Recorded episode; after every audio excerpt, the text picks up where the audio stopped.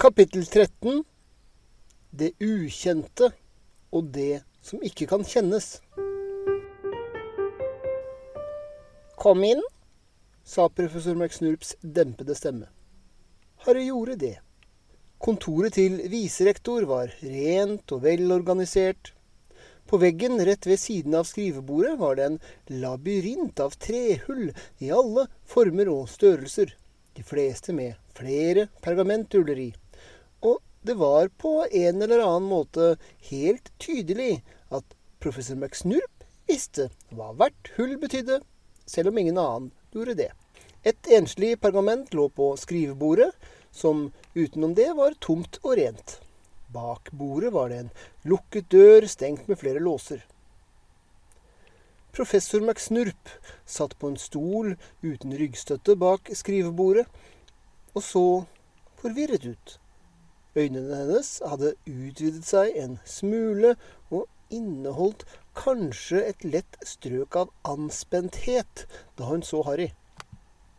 Herr Potter, sa professor McSnurp, hva, hva gjelder besøket? Harrys hode stoppet opp. Han hadde fått instruksjoner av spillet om å komme hit. Han hadde forventet at hun hadde noe på hjertet. Herr Potter, sa professor McSnurp og begynte å se en tanke irritert ut. Heldigvis husket Harrys panikkslagne hjerne på dette tidspunktet at han hadde noe han hadde planlagt å ta opp med professor McSnurp. Noe som var viktig, og vel verdt hennes tid. Hm, sa Harry. Hvis, hvis, det er noen form for magi du kan kaste for å forsikre deg om at ingen kan høre oss Professor McSnurp reiste seg fra stolen, lukket ytterdøra fast og bestemt, og tok ut tryllestaven og begynte å framsi formler. Det var akkurat da Harry innså at han sto foran en ubetalelig og muligens uerstattelig mulighet til å tilby professor McSnurp en komedie Og han kunne ikke tro at han faktisk seriøst vurderte det, og det ville jo være helt greit, fordi sølet fra brusen ville forsvinne etter et par sekunder, og han ga den delen av seg selv ordre om å holde kjeft. Den gjorde det og Harry begynte å organisere mentalt det han hadde å si. Han hadde ikke planlagt å ha denne diskusjonen fullt så kjapt, men siden han først var her Professor McSnurp gjorde seg ferdig med en formel som hørtes ut som noe langt eldre enn latin, og så satte hun seg ned igjen. Det er greit, sa hun med stille stemme. Ingen lytter. Ansiktet hennes var heller stramt. Å ja, stemmer. Hun forventer at uh, jeg skal presse henne for informasjon om profetien. Nei, det kunne han gjøre en annen dag. Det dreier seg om hendelsen med valghatten, sa Harry. Professor McSnurp blunket. Uh, jeg tror det er en ekstra formel i valgkatten, Noe som valgkatten selv ikke vet om. Uh, noe som utløses når hatten sier smygar. Jeg hørte en melding som jeg er temmelig sikker på at ravnkloinger ikke skulle hørt. Den kom i samme øyeblikk som hatten forlot hodet mitt, og jeg følte forbindelsen bli brutt. Det hørtes ut som hvesing og vanlig språk samtidig. Her trakk McSnurp pusten skarpt, og det sa Hilsen fra Smygard til Smygard. Hvis du søker mine hemmeligheter, snakk med slangen min. Professor McSnurp satt der med munnen på vidt gap og stirret på Harry som om det plutselig hadde vokst ut to nye hoder på ham. Så, sa professor McSnurp sakte, som om hun ikke kunne tro på ordene som kom ut mellom hennes egne lepper. Du bestemte deg for å komme rett til meg og fortelle det. Vel, ja, selvsagt, sa Harry ingen grunn til å innrømme hvor lang tid det hadde tatt ham å faktisk tenke på det. I motsetning til f.eks. å prøve å finne ut av det selv, eller å fortelle det til noen av de andre barna. Jeg, jeg forstår, sa professor McSnurp. Og hvis, teoretisk sett, muligens, du skulle slumpe til å finne inngangen til Salazar Smygars legendariske mysteriekammer, en inngang du og bare du kunne åpne, så ville jeg lukke denne inngangen og si fra til deg øyeblikkelig, slik at det kunne bli satt sammen et team av erfarne magiske arkeologer, sa Harry bestemt. Så ville jeg åpne inngangen igjen, og de ville gå inn svært forsiktig for å forsikre seg om at det ikke var noe farlig der inne.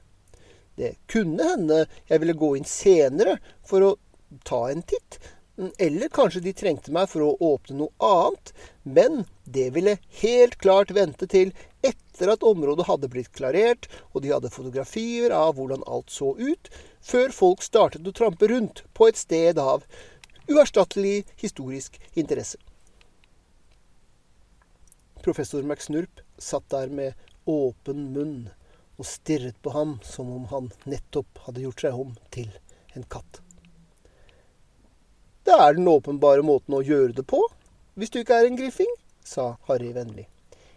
Jeg tror, sa professor McSnurp med halvkvalt stemme, at du grovt undervurderer sjeldenheten av sunn fornuft, herr Potter.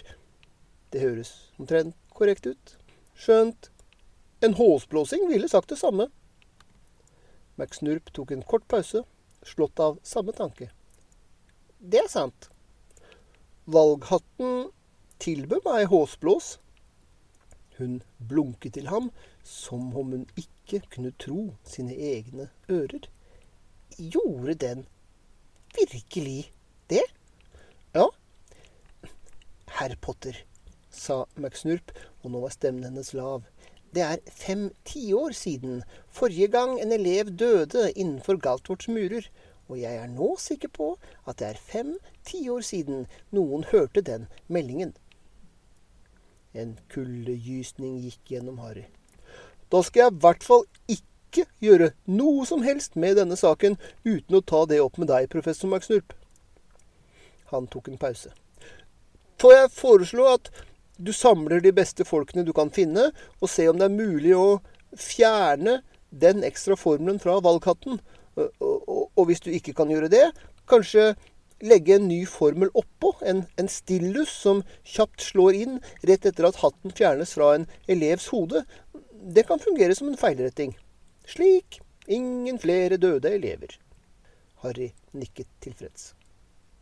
Professor McSnurp så enda mer lamslått ut, hvis en slik ting var mulig å forestille seg. Jeg kan ikke på noen måte belønne deg med nok huspoeng for dette, uten å gi huspokalen til Ravnklo i samme slengen. mhm, sa Harry.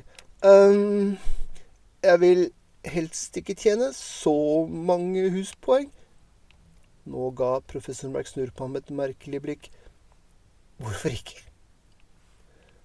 Harry hadde problemer med å finne de riktige ordene for å forklare det.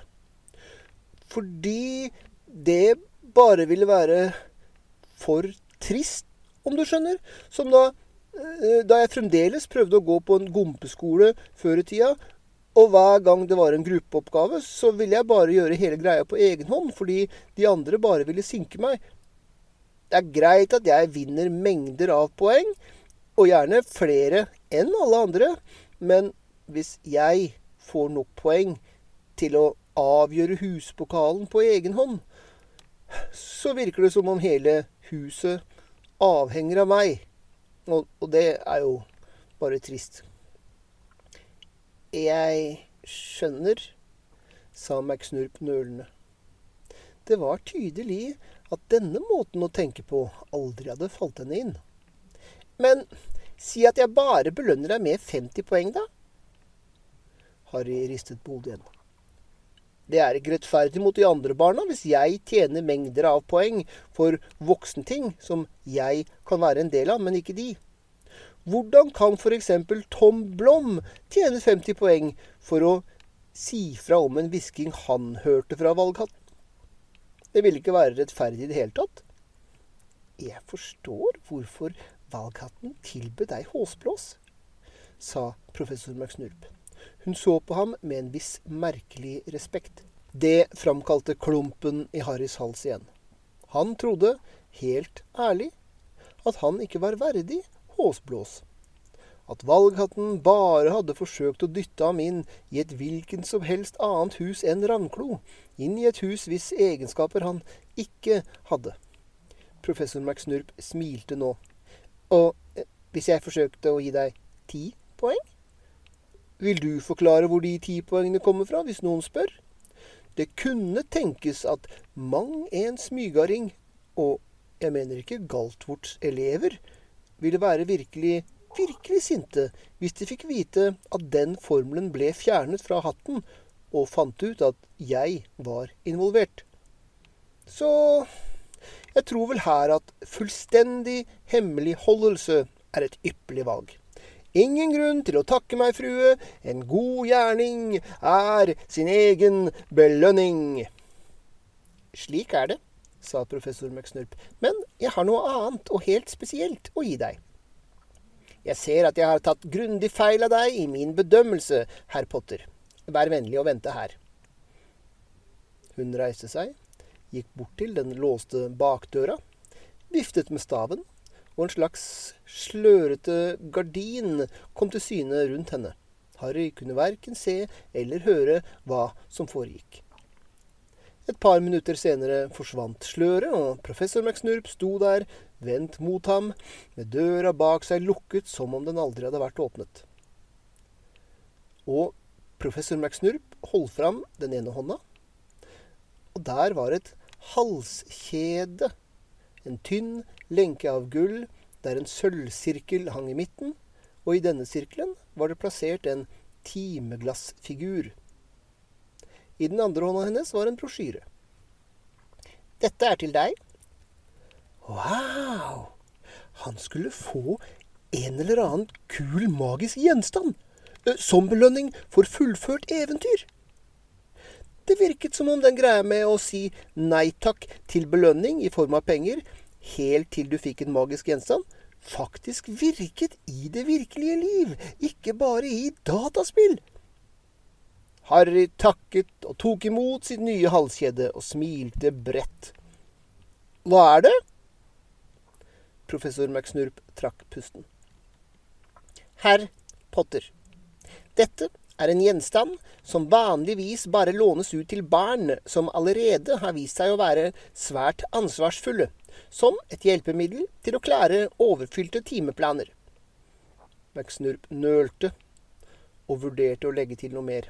Jeg må understreke, herr Potter, at denne gjenstandens sanne natur er hemmelig, og at du ikke må fortelle noen andre elever om den, eller la dem se at du bruker det. Hvis du ikke godtar dette, må du gi den tilbake med en gang. Jeg kan holde på hemmeligheter, sa Harry. Så eh, hva gjør den? Hva de andre elevene angår, så er dette en tvinnespinner, og den brukes til å behandle en sjelden, ikke-smittsom magisk tilstand som kalles spontan duplikasjon. Du har den på deg under klærne dine, og skjønt du ikke har noen egentlig grunn til å vise den fram til noen, så har du heller ingen grunn til å behandle den som en stor hemmelighet. Tvinnespinnere er uinteressante. Forstår du dette, herr Potter? Harry nikket, og smilet utvidet seg. Han ante hånda til en kompetent smygarding bak denne rutinen. Og hva er det den egentlig gjør? Det er en tidsvenner. Hver omdreining du gir timeglasset, sender deg en time tilbake i tid. Så hvis du bruker den til å gå to timer tilbake i tid hver dag, burde du alltid være i stand til å få sove på samme tidspunkt. Harrys innstilling om å ikke mistro ble fullstendig blåst ut av vinduet.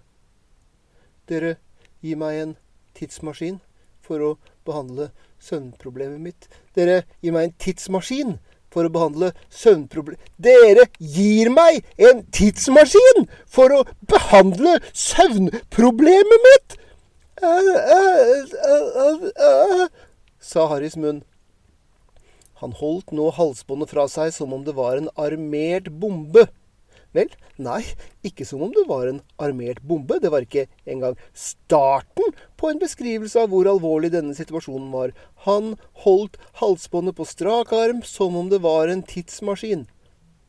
Fortell meg, professor McSnurp, visste du at tidsreversert vanlig materie ser akkurat ut som antimaterie? Jo, det stemmer faktisk. Visste du at ett kilo antimaterie som møter ett kilo materie, vil gå i lufta i en eksplosjon som tilsvarer 43 millioner tonn TNT? Innser du at jeg veier 41 kilo, og at det vil resultere i et smell som vil etterlate et stort rykende krater der Skottland pleide å være? Unnskyld meg, klarte Harry å si, men dette høres virkelig, virkelig, virkelig farlig ut! Harrys stemme var ikke helt et skrik. Han kunne ikke på noen måte skrike så høyt som denne situasjonen krevde, så det var ikke noe poeng i å forsøke. Professor McSnurp så på ham med tolerant hengivenhet. Jeg er glad for at du tar dette alvorlig, herr Potter, men tidsvennere er ikke så farlige. Vi ville ikke gi dem ut til barn hvis de var det. Virkelig? sa Harry. Ha-ha! Selvsagt ville dere ikke gi ut tidsmaskiner til barn hvis de var farlige. Hva var det jeg tenkte på? Eh, så bare for å være på den sikre siden, for å gjøre det helt klart eh, eh, Det å nyse på denne dingsen vil ikke sende meg tilbake til middelalderen, der jeg vil eh, kjøre over Gutenberg med ei hestekjerre og, og, forhindre opplysningstida. Fordi, ikke sant, jeg hater når sånt skjer meg. McSnurps lepper vred seg på den måten de pleide når hun forsøkte å ikke smile. Hun forsøkte å gi Harry brosjyren hun holdt, men Harry strakte halsbåndet forsiktig rett fram med begge hender og stirret på timeglasset som for å forsikre seg om at det ikke skulle til å snurre. Du trenger ikke å bekymre deg, sa McSnurp etter en pause, da det var klart at Harry ikke kom til å bevege seg. Det kan faktisk ikke skje, herr Potter. Tidsvenneren kan ikke brukes til å flytte seg mer enn seks timer tilbake i tid. Videre kan den ikke brukes mer enn seks ganger på samme dag, å, fint! Tipp topp, det! Og hvis noen kommer til å dunke borti meg, så vil eh, ikke tidsvenneren knuse, og vil ikke fange hele slottet i en endeløs repeterende torsdag.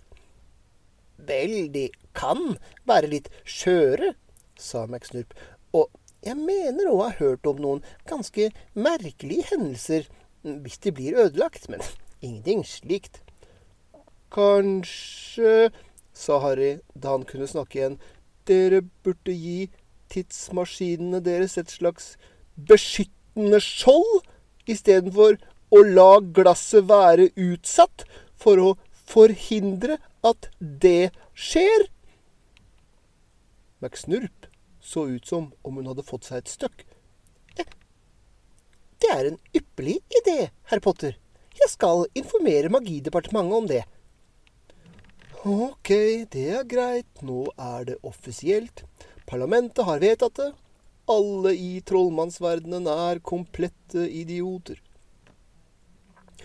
Og selv om jeg hater å være i det filosofiske hjørnet Harry prøvde desperat å senke stemmen til noe under et skrik.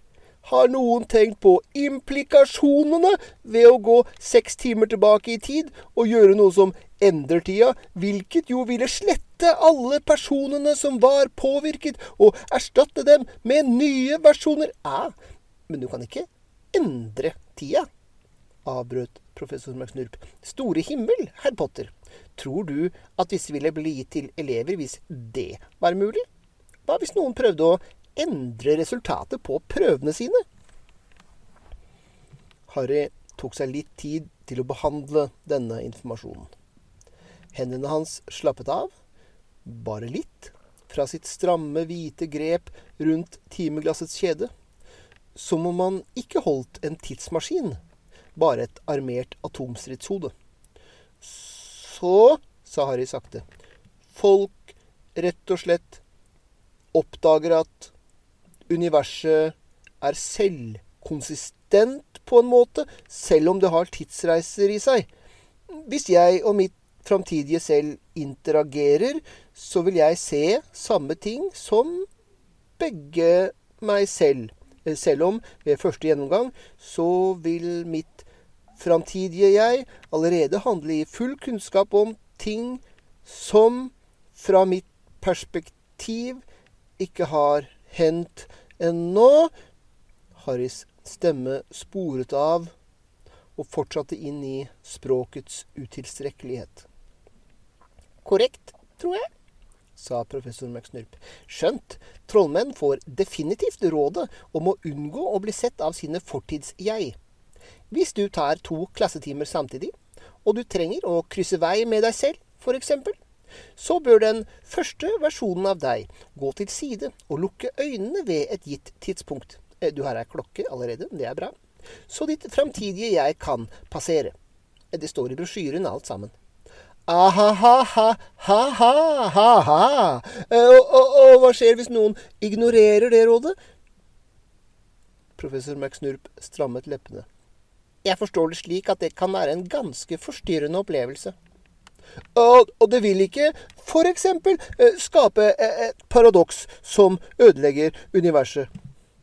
Hun smilte tolerant. Herr Potter. Jeg tror jeg ville husket og hørt det hvis det noen gang hadde skjedd. Det er ikke betryggende! Har ikke dere mennesker noen gang hørt om det antropiske prinsippet? Og, og hva slags idiot var det som i det hele tatt bygde en av disse greiene den første gangen? Professor McSnurp lo faktisk. Det var en behagelig, glad lyd som virket overraskende malplassert på det alvorlige ansiktet. Du har et nytt du endret deg om til en katt-øyeblikk. Har du ikke, herr Potter? Du vil sikkert ikke høre det, men det er helt enestående søtt. Å gjøre seg om til en katt er ikke i nærheten av å kunne sammenlignes med dette, vet du, helt fram til nå hadde jeg denne forferdelige, undertrykte tanken et eller annet sted i bakhodet at det eneste mulige svaret som gjensto, var at hele mitt univers var en datasimulering, slik som i boka Simulacron 3. Men nå er også det svaret utelukket, fordi denne lekesaken er ikke Turing-beregnbar. En Turing-maskin ville kunne simulere det å gå tilbake til et bestemt øyeblikk i fortida og beregne en annerledes framtid derfra. En orakelmaskin kunne benytte seg av den ufullstendige oppførselen til lavregradsmaskiner, men det du sier, er at virkeligheten på en måte av og i seg selv automatisk beregner fortløpende ved å, å å, og bruke informasjon som, som, som, bare ikke har hendt ennå. Noe gikk hardt og tungt opp for Harry. Nå ga det mening. Til slutt ga det mening. Så det er slik komedie-T virker! Selvsagt. Magien tvinger ikke fram morsomme hendelser. Den gjør bare slik at du føler en impuls om å drikke rett før noe morsomt uansett skal skje. Å, for en tosk jeg er! Jeg burde innsett det da jeg følte en impuls om å drikke komedie-te før Humlesnurrs andre tale, men drakk det ikke, og så fikk mitt eget spytt i vrangstrupen istedenfor. Å, å drikke komedieteen skaper ikke komedien. Det er komedien som får deg til å drikke komedite. Jeg så at det var en korrelasjon mellom de to hendelsene, og antok at komedieteen måtte være årsaken, og komedie måtte være effekten, fordi jeg tenkte at temporal rekkefølge begrenset årsakssammenheng, og at årsaksgrafer må være asykliske, men alt gir jo mening når du tegner om kausalitetspilene bakover i tid.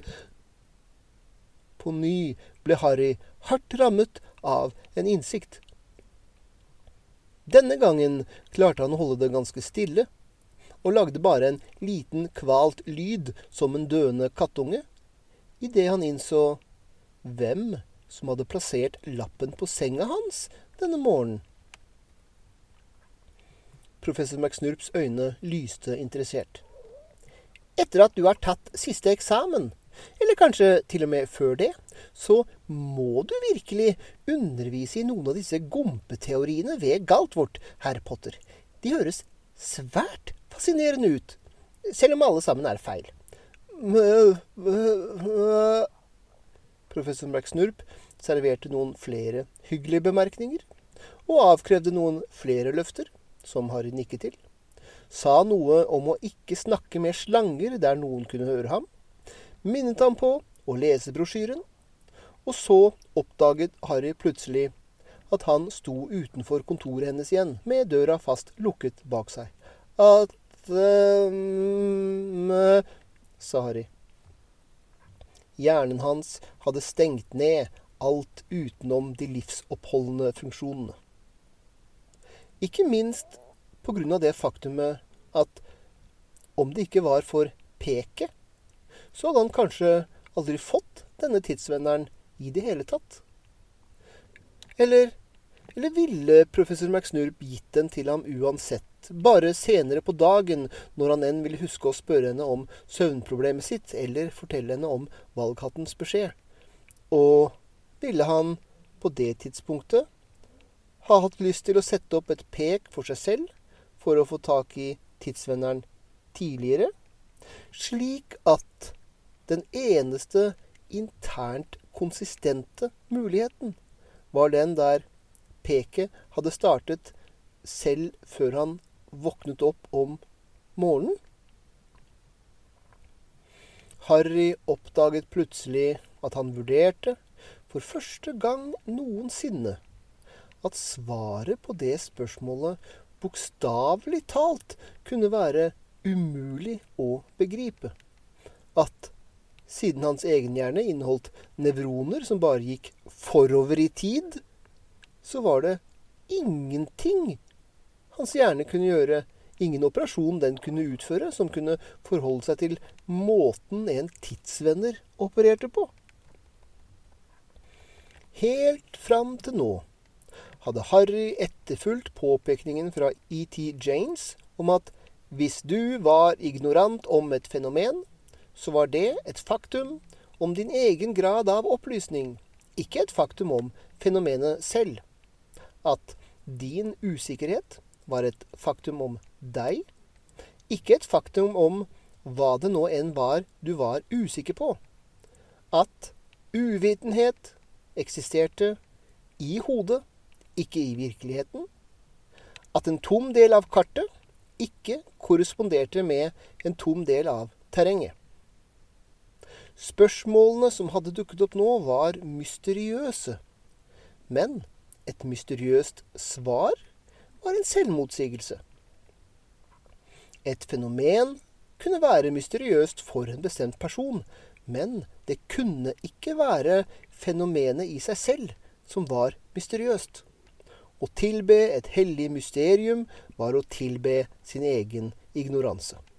Så Harry hadde tatt en titt på magi og nektet å bli skremt. Folk hadde ingen historisk sans. De lærte om kjemi og biologi og astronomi, og tenkte at disse tingene alltid hadde vært essensen i vitenskap, at de aldri hadde vært mysteriøse. Stjernene hadde en gang vært mysteriøse. Lord Kelvin hadde en gang kalt livets og biologiens natur måten muskler responderer på menneskets vilje, og slik et tre genereres av et frø, som et mysterium uendelig bortenfor vitenskapens rekkevidde. Ikke bare bortenfor, merk deg, men uendelig bortenfor. Lord Kelvin var definitivt overveldet over følelsen han fikk av å ikke vite noe. Hvert mysterium som noensinne er blitt løst, har vært en gåte fra menneskehetens daggry helt fram til noen løste det. Nå for første gang møtte Harry utsiktene til et mysterium som truet med å være permanent. Hvis tid ikke fungerte gjennom asykliske kausale nettverk, så forsto ikke Harry hva som mentes med årsak og virkning. Og hvis Harry ikke forsto årsak og virkning, så forsto han ikke hva slags substans virkeligheten kunne være laget av istedenfor. Og det var fullstendig mulig at hans menneskelige sinn aldri kunne forstå, fordi hjernen hans var laget av gammeldagse lineærtidsnevroner. Og dette nå hadde vist seg å være en mager delgruppe av virkeligheten. På plussiden Komediteen, som en gang hadde virket allmektig og allutrolig, hadde vist seg å ha en mye enklere forklaring, som han hadde oversett bare fordi sannheten var fullstendig utenfor hans hypoteserom, eller noe hans hjerne hadde utviklet seg til å kunne forstå. Men nå hadde han faktisk funnet det ut. Antagelig. Som på, som på en måte var en oppmuntring på sett og vis. Harry tittet ned på klokka si. Ja, den var nesten elleve på formiddagen. Han hadde gått til sengs i går natt klokka ett. Så hvis alt var som normalt, ville han gå til sengs i natt klokka tre. Så for å kunne sovne rundt ti og stå opp rundt sju, burde han altså gå rundt fem timer tilbake i tid. Hvilket betydde at hvis han ønsket å komme tilbake til sovesalen rundt seks på morgenen, før noen var våkne, burde han helst skynde seg å Selv i tilbakeblikk forsto ikke Harry hvordan han hadde klart å gjennomføre halvparten av de greiene som var involvert i peken. Hvor hadde den paien kommet fra? Harry begynte å utvikle en seriøs redsel for tidsreiser. På den annen side så, ja, absolutt, han måtte innrømme at det hadde vært en mulighet det ikke gikk an å ikke bruke. En spøk du bare kunne kjøre mot deg selv én gang i levetida, innenfor de første seks timene fra da du først fant ut om tidsvennere. Faktisk var det enda mer forvirrende da Harry tenkte over det. Tida hadde presentert den ferdige spøken for ham som et fett accompli. Og allikevel var det helt tydelig ham som sto bak. Konsept og utførelse og skrivemåte. Hver eneste bit. Selv de tingene han fremdeles ikke skjønte noe av. Vel, ingen tid å miste. Dagen hadde jo bare 30 timer, tross alt. Harry visste noe av det han måtte gjøre, og han fikk finne ut av resten, som det med paiene, mens han jobbet. Ingen vits i å utsette det. Han kunne ikke egentlig få utrettet noe ved å sitte fast her i framtida.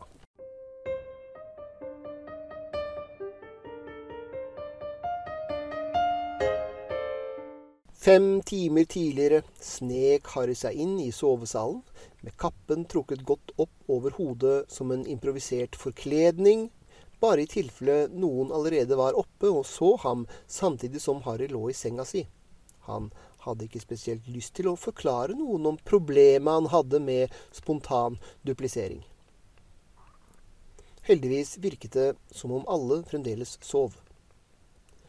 Og det virket også å være en eske der, innpakket i rødt og grønt papir med en klar gullsløyfe rett ved senga hans. Det perfekte, stereotypiske bildet på en julegave, selv om det ikke var jul.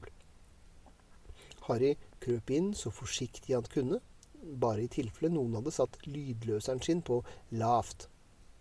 Det var en konvolutt festet på boksen, lukket med klar, ren voks uten noe seil på. Harry åpnet den forsiktig og tok ut brevet som lå inni.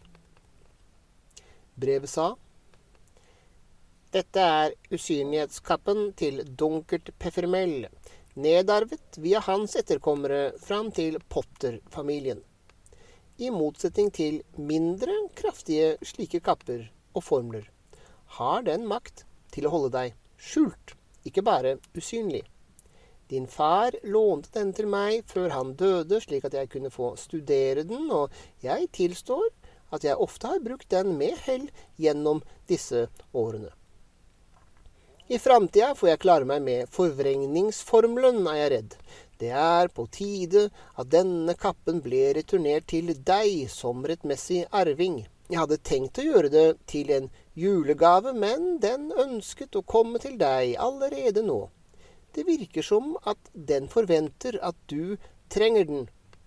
Bruk den vel. Uten tvil tenker du allerede på alle slags fantastiske pek du kan gjøre nå, slik din far gjorde i sin tid. Hvis hans fulle misgjerninger ble kjent, ville hver kvinne i Griffing samles for å skjende graven hans. Jeg skal ikke forsøke å forhindre at historien gjentar seg, men vær svært forsiktig så du ikke røper deg. Hvis Humlesnurr så en mulighet for å inneha en av dødstalismanene, ville han aldri la den unnslippe sitt grep så lenge han levde. Gledelig jul til deg. Lappen hadde ingen underskrift.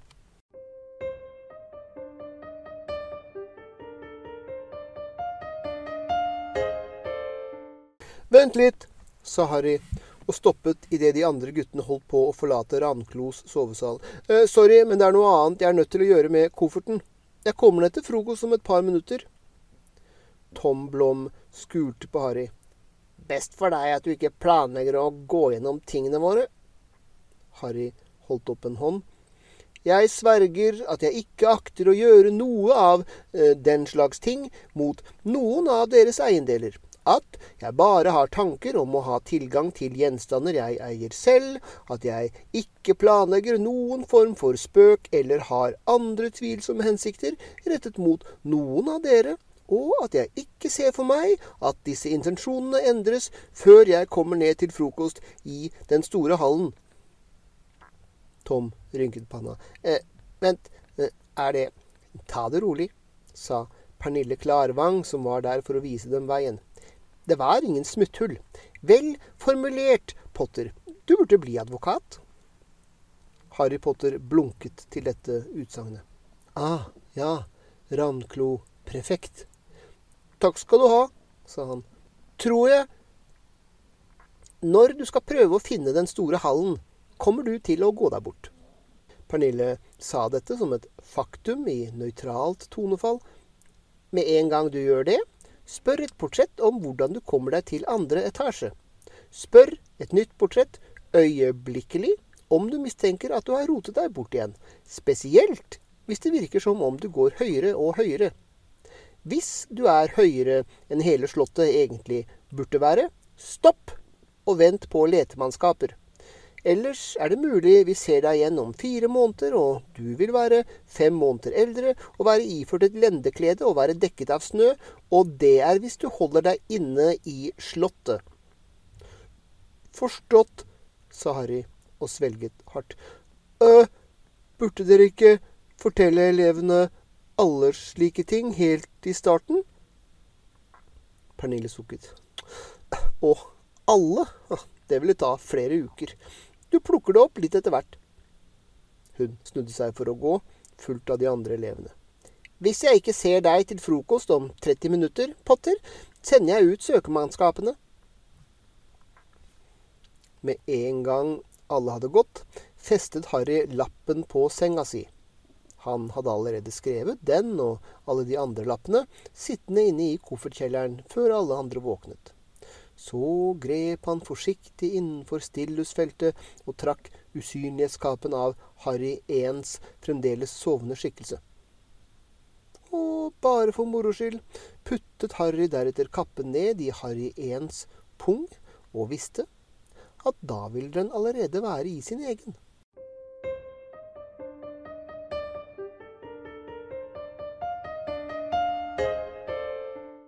Jeg skal sørge for at meldingen sendes videre til Cornelius Flabbeskog, sa bildet av en mann med aristokratisk utseende og faktisk en helt normal nese. Men eh, tør jeg spørre om hvor den kom fra opprinnelig?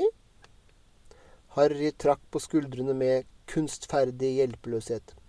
Jeg ble fortalt at den ble framsagt av en hul stemme som veltet fram fra en kløft eh, inne i selve lufta.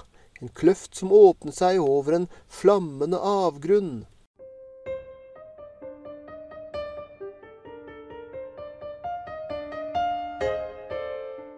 Hei, sa Hermine indignert fra sin plass på den andre siden av frokostbordet.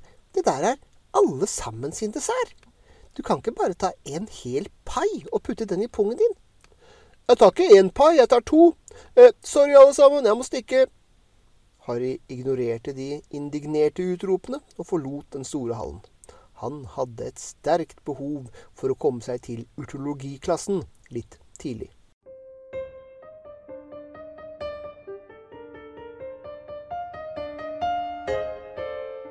Professor Stikling så skarpt på ham. Og hvordan vet du hva smygaringene planlegger? Jeg kan ikke avsløre kilden min, sa Harry. Faktisk må jeg be deg om å late som om denne samtalen aldri har funnet sted. Bare øh, oppfør deg som om du tilfeldigvis gikk forbi mens du skulle noe annet, eller noe sånt. Jeg skal springe i forveien med en gang urtologiklassen er ferdig. Jeg tror jeg kan distrahere smygardingene til du kommer fram. Jeg er ikke en enkel person å skremme eller mobbe, og jeg tror ikke de tør å skade gutten som overlevde.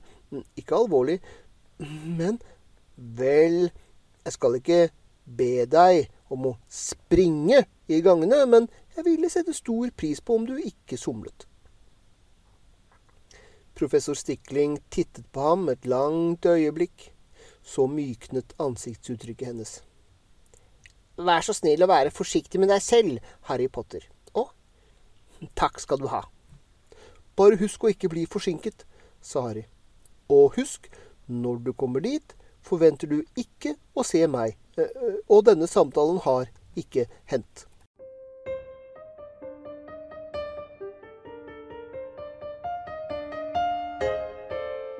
Det var forferdelig å se seg selv hale Nilus ut av sirkelen med smygardinger. Nilus hadde rett.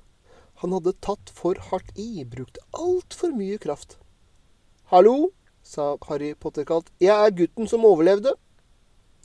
Åtte gutter i første klasse, av omtrent samme høyde. En av dem hadde et arr på panna og oppførte seg ikke som de andre. Et skotsk vers dukket opp i tankene hans. Å, ville en makt den gaven gi oss, å se oss selv slik andre ser oss. Det ville fra mangen blunder fri oss og dumme tanker. Professor McSnurp hadde rett. Valghatten hadde rett. Det var tydelig med en gang du så det fra utsiden. Det var noe galt med Harry Potter.